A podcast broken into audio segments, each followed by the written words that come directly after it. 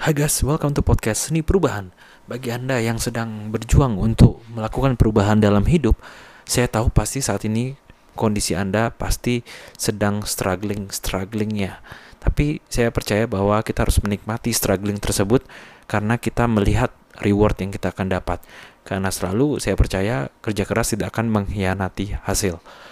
Nah, hari ini saya ingin sharing tentang satu hal yaitu adalah saat kondisi kita begitu terpuruk dan begitu struggling, sebenarnya bagaimana sih cara kita itu berdoa kepada Tuhan? Nah, saya tidak kerana religius atau gimana, cuman saya mau ngingetin aja, mungkin dari kita itu salah dalam berdoa. Salah dalam berdoa artinya begini, mungkin kita selalu minta kepada Tuhan, Tuhan, tolong jangan berikan saya banyak masalah. Semoga hidup saya itu selalu lancar tidak ada masalah, terhindar dari segala masalah. Sebenarnya itu merupakan doa yang salah. Kenapa? Karena orang yang kalian temui, maupun itu orang sukses maupun orang yang nggak sukses, semua orang yang kalian temui selama Anda di dunia ini tidak ada yang tidak punya masalah. Kalau Anda tidak punya masalah, kemungkinan Anda sudah tidak ada di dunia ini lagi. Nah, apalagi kita ini mau ngerubah kehidupan. Kalau kita mau ngerubah kehidupan, otomatis ada masalah yang harus kita lewati, atasi. Baru kehidupan kita ini bisa berubah. Contohnya, kalau kita punya masalah dalam keuangan, otomatis kita harus melewati proses bagaimana cara kita mengatur keuangan, bagaimana cara kita menyelesaikan masalah orang lain supaya orang tersebut bisa memberikan uang kepada kita sebagai nilai tukar atas jasa atau produk yang kita berikan kepada dia untuk menyelesaikan masalah dia. Dari sana, kondisi ekonomi kita juga pasti akan berubah karena kita selalu mencoba untuk menyelesaikan masalah orang lain dan ditukarkan dengan jasa atau produk kita. Kedua adalah bagaimana kita harusnya berdoa kepada Tuhan.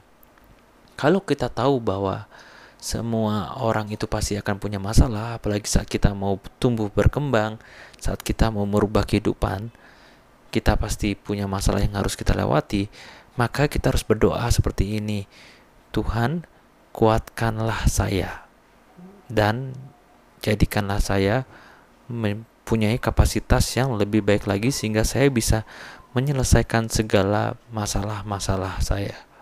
Saya akan mengambil satu quotes yang membackup doa ini yaitu adalah Don't wish life were easier but wish you were better. Artinya adalah jangan pernah kamu meminta, memohon, berharap bahwa hidup kita akan menjadi semakin mudah, tapi berharaplah dan mintalah kita ini semakin kuat dan semakin lebih baik. Semoga ini bisa mencerahkan kalian semua.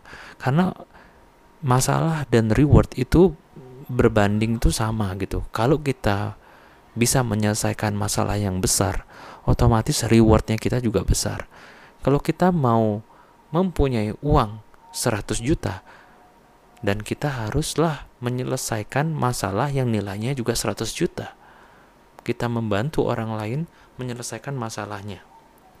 Dengan itu dia akan menukarkan dengan nilai tukar yaitu adalah uang 100 juta. Kalau kita mau kalau kita punya masalah kesehatan dan kita mau mengubah kesehatan kita, maka tentu kita juga harus membayar harganya.